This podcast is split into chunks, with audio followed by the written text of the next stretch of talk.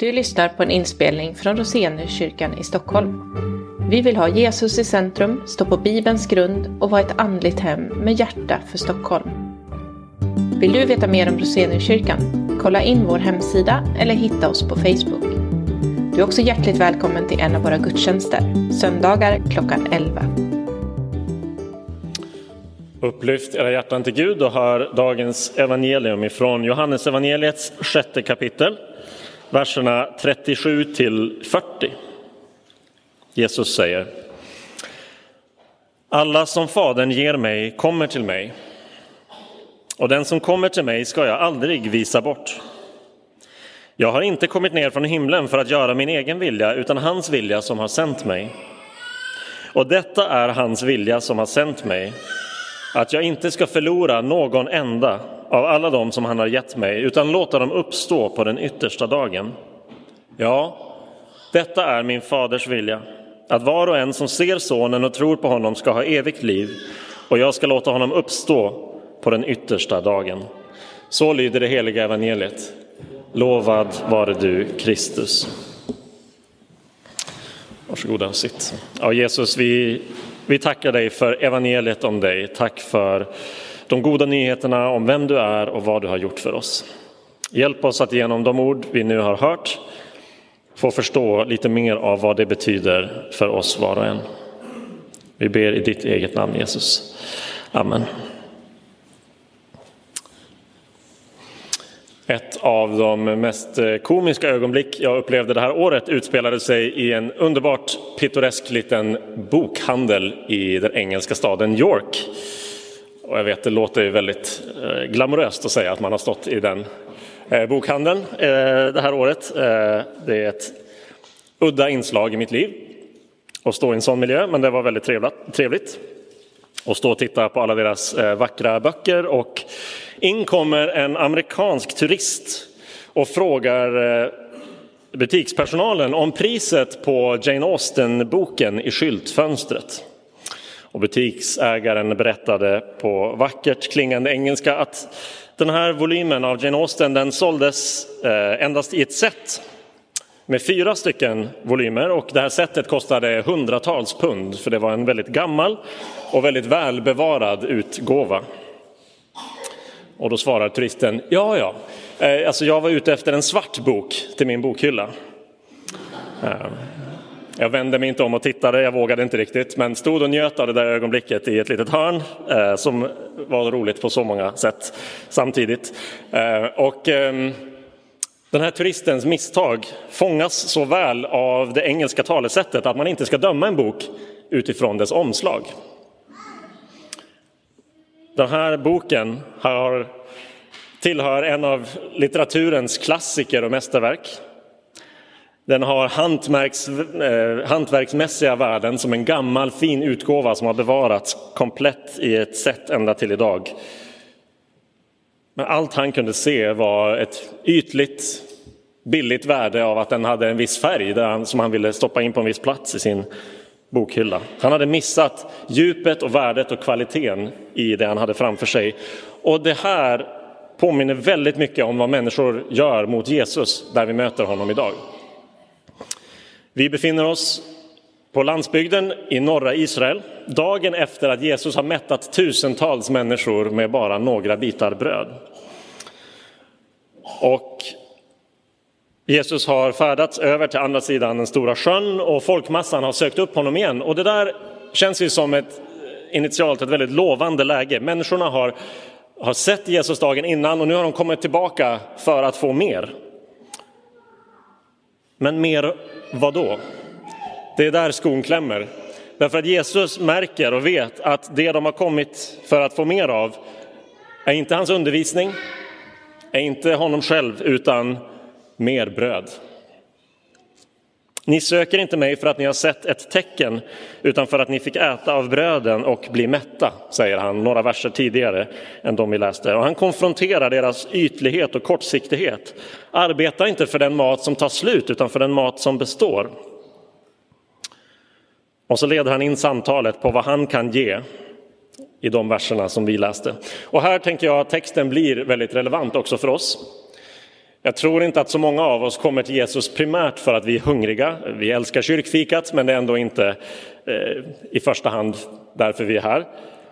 Fast frestelsen består i alla tider och kulturer att man liksom vill forma om Jesus utifrån sin egen agenda. Och att bara söka Jesus kortsiktig och ytlig hjälp. I vår tid så finns det ju en risk, formade som vi kan vara av en, av en väldigt sekulär och individualistisk tid, att vi tänker på andlighet som något som bara är intressant när det bekräftar min identitet och mina strävanden här och nu. Jesus, å andra sidan, har kommit för att möta ett mycket mer djupgående och mycket mer långsiktigt behov. Ett behov som många av oss bara blir medvetna om när vi kanske blir lite till åren eller när våra liv skakas om av en oförutsägbar och allvarlig händelse. För det Jesus vill ge oss är liv. Och det är riktigt intressant och det är riktigt värdefullt om man är döende. Men om man tror att man har allt man behöver och klarar sig själv så finns det en risk att man helt missar vad som finns framför en och vad Jesus vill erbjuda. I de verser vi läste så ger Jesus två stycken löften och sen säger han också någonting om vilket gensvar han hoppas på hos oss på dessa löften. Så vi ska börja med att titta på det första löftet, nämligen att Jesus inte kommer att tappa bort oss. Den som kommer till mig ska jag aldrig visa bort, säger han. Och det här handlar om att vi allihopa är välkomna till Jesus, men också att vi är välkomna att stanna hos Jesus. Vi har många av Jesu liknelser och vi har hela Jesu liksom konsekventa eh, livsmönster där vi kan se att han aktivt söker upp människor vars liv är väldigt vilsna och kaotiska. Han välkomnar de misslyckade, de som andra anser sig för fina att umgås med. Eh, hans famn är vidöppen för syndare som behöver förlåtelse. Men i den här versen tror jag snarare att poängen är inte om det första mötet, första ankomsten till Jesus, utan att vi får stanna hos Jesus. För han fortsätter i vers 39 om att han inte ska, eh, att ingen av dem som Fadern har gett honom ska gå förlorade. Och jag tycker att det här är lika värdefullt att veta som Jesus, om Jesus som hans första välkomnande. Därför att det betyder att vi inte behöver vara rädda för att Jesus en dag tröttnar på oss. Och jag vet att jag åtminstone lätt kan föreställa mig att Jesus skulle det. Vi behöver inte vara rädda för att Jesus en dag säger, ja men okej, hit men inte längre, nu, det där var droppen som fick bägaren att rinna över. Jag är trött på att höra om samma gamla synder och bekännelser, samma gamla böner, nu får det vara nog. Kom tillbaka när du fått ordning på det där. Vi behöver inte föreställa oss eller vara rädda för en Jesus som himlar med ögonen åt oss. När det går trögt för oss att växa och mogna och helgas. Jesus säger att den som har kommit till honom kommer han aldrig visa bort. Det är precis den sortens kärlek som är så sällsynt och som vi så desperat behöver. Jesu kärlek är tålmodig och den är mäktig, mäktig nog att bevara oss hos honom. Mäktig att bära oss genom våra egna svagheter och tvivel. Jag är väldigt glad för Svenska folkbibeln men i vers 38 saknas faktiskt ett ord som i princip alla andra översättningar jag tittat på och grundtexten, eh, eller som de har med därför att det finns i grundtexten och det är att vers 38 börjar med ett litet ord ty. Det är bara två bokstäver, det är lätt att missa men det har en viss betydelse här. För Jesus säger då att mitt löfte om att jag inte ska visa bort någon beror på det han säger i vers 38, nämligen att han har kommit för att göra Faderns vilja.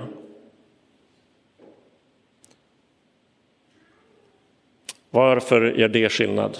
Jo, det säger oss att Guds vilja, Fadern, Sonen och Anden är samstämmig. Gud vill ta emot oss och bevara oss. Och Jesus har kommit till jorden för att göra Faderns vilja och det är det som är grunden för hans löfte att inte visa bort någon. Teologen Don Carson kommenterar på det här sättet. Om någon av dem som kommit till Jesus inte skulle nå hela vägen fram skulle det vara till sonens skam inför fadern. Det skulle betyda att han antingen var eh, inkapabel att göra det Fadern sänt honom för eller att han skulle öppet trotsa Faderns vilja.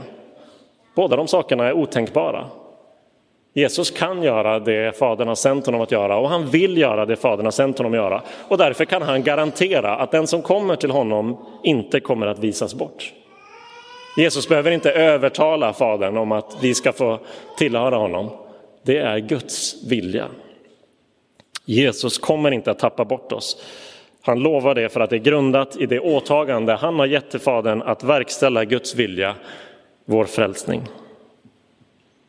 Så Gud vill inte att du ska gå förlorad. Det är en väldigt stor tröst. Att Jesus säger att han aldrig ska visa bort, att han inte kommer tröttna på dig. Han kommer bevara dig hos sig. Det är underbart att höra. Men vilken framtid är det då han bevarar oss till? Ja, det är det andra löftet som Jesus ger i den här texten, nämligen när han säger att han ska låta oss uppstå på den yttersta dagen. Han säger det två gånger, i vers 39 och vers 40. Samma formulering, uppstå på den yttersta dagen. Det här är det kristna hoppet. Faderns vilja som Jesus har kommit för att åstadkomma är just att vi ska få uppstå och leva för evigt med Gud. Det är Guds stora plan. Hela Bibeln vittnar om den. Och den är på väg att närma sig sitt avgörande skede när Jesus står inför de här människorna. Så ni fattar vilken tragedi det är om de missar vad det är som händer. Planen som Gud har förberett i hundratals år och nu är den på väg att gå i uppfyllelse. Och så vill de bara veta när de kan få nästa macka ifrån Jesus. Istället för att ta emot det som Jesus verkligen vill ge. Bakgrunden till det här löftet om uppståndelse och evigt liv det är ju dödens verklighet och dödens makt över oss. Döden är en förfärlig inkräktare i Guds skapelse. Och döden jobbar på så sätt att den separerar saker som Gud skapat för att höra ihop. Vi kan tänka på familjer som splittras av ett dödsfall. Eller hur kropp och själ skiljs åt i döden eller att döden på grund av synden kan skilja människa och Gud. Dödens makt är tyvärr större än bara det ögonblick då vi andas för sista gången. Den kan beröva oss livsglädje långt mycket tidigare när den förlamar oss i rädsla eller när den får våra livsprojekt och, eh, och val att reduceras till ja, triviala saker för att vi tycker att vad är poängen om den dag bara ska ta slut? Jesus kom för att göra Faderns vilja, det vill säga att bryta dödens makt. Att bryta dödens makt att separera oss från Gud och bryta dödens makt att hålla oss fångna i rädsla och känslor av meningslöshet. Uppståndelse är precis det hopp vi behöver. En hel del människor har, en, har ett, ett allmänt hopp om att det ska finnas någonting mer på andra sidan graven. Det här är mer än så. Mycket mer konkret och har en mycket säkrare och mer specifik grund. Uppståndelse det handlar om att livet ska återställas till den kvalitet och den kraft som det en gång hade före syndens intrång. Det handlar om kroppsligt liv i en hel värld som är befriad från synden och döden. Alltså när Bibeln säger evigt liv så handlar det inte bara om att någonting är utdraget jättelångt. För ärligt talat så kan ju en del av oss föreställa sig att det skulle bli både långt, tråkigt och, och smärtsamt om man bara tar vissa sorters livskvalitet och sen förlänger den i, i all oändlighet. Evigt liv, det är Guds liv. Liv som inte har rörts av förfall eller leda eller meningslöshet. Allt sånt som suger glädje och kraft ur oss här. Evigt liv är oförstört liv utan slut. Det här är hoppet som Jesus erbjuder oss idag. Så frågan till oss blir var någonstans vi ser dödens makt och verklighet. En del av oss har särskilt den här helgen sörjt närstående som gått bort nyligen. Och så ser vi och känner vi av dödens makt i vår närhet. Andra av oss känner det i formen av rädsla. Kanske väldigt konkret när vi känner hur bräcklig vår kropp är. En del av oss känner fysiska ålderstecken i kroppen, andra är inte så gamla men har ett medfött hjärtfel eller en kronisk sjukdom eller något sådant som redan tidigt i livet säger att min kropp håller inte för livet. Den är inte vad den borde vara, vad jag skulle vilja att den var. Andra av oss känner dödens makt mer i vårt tankeliv eller känsloliv därför att vår hjärnas kemi liksom inte tycks kunna lämna oss i fred och depression eller andra former av psykisk ohälsa bara lägger sig som en våt filt över allt vi upplever. Om du möter dödens makt i något av de här avseendena så har du kommit precis rätt. För du har kommit till Jesus som säger att han kommer hålla oss säkra hos sig tills den dag då uppståndelsens liv ska genomsyra varenda cell i vår kropp och varenda plats i hela Guds universum. Det är ett underbart hopp. Det här är vad Jesus lovar oss idag. Att han inte ska tappa bort oss och att han ska låta oss uppstå. Så vad vill nu Jesus att vi ska göra med de här löftena? Ja, det är det sista vi ska se och vi ser det i vers 40 där Jesus säger var och en som ser sonen och tror på honom ska ha evigt liv.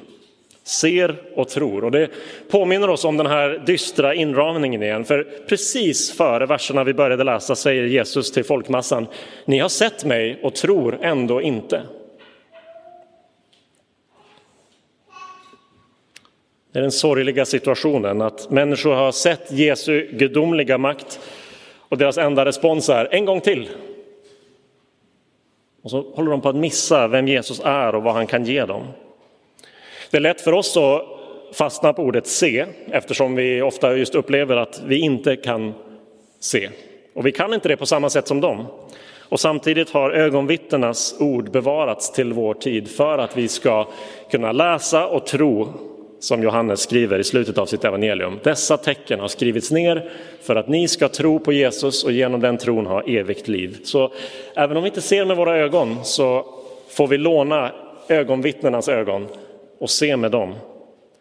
Och det är alldeles uppenbart att många som faktiskt såg ändå missade det viktiga som är att tro på Jesus. Så vad ska vi då tro? Här, i det vi läser idag, så tror jag att det handlar om två saker.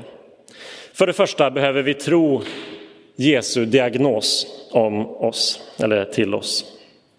Och den är att vi behöver honom själv. Människorna omkring honom ville ha bröd av Jesus och sen kunde det kvitta lite grann vem han själv var. Så strax efter verserna vi läser så kommer Jesus väldigt distinkt provocera och utmana dem och säga ni behöver inte äta mitt bröd, ni behöver äta mitt kött. Och människor reagerar för det låter precis lika hemskt för dem som det gör för oss. Och många går därifrån.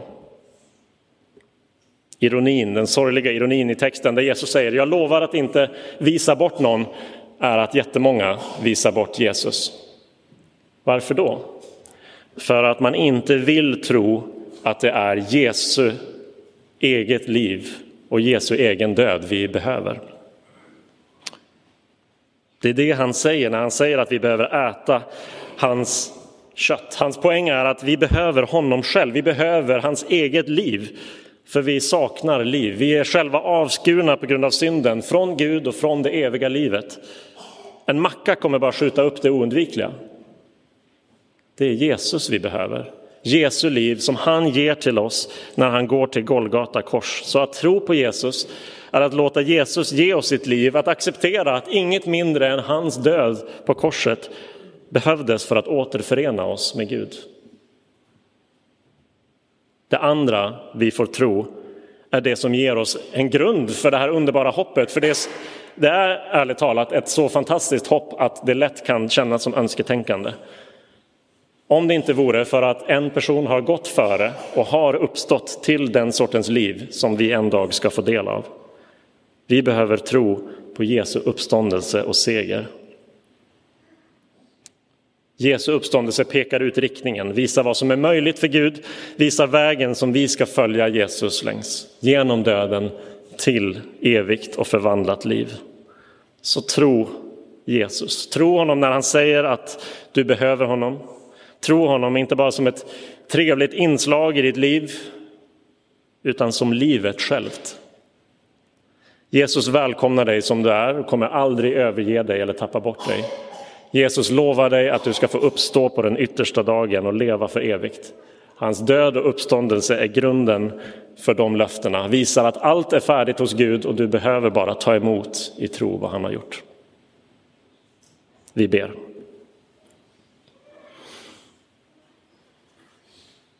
Jesus, tack för att du kom till jorden, inte bara för att ge oss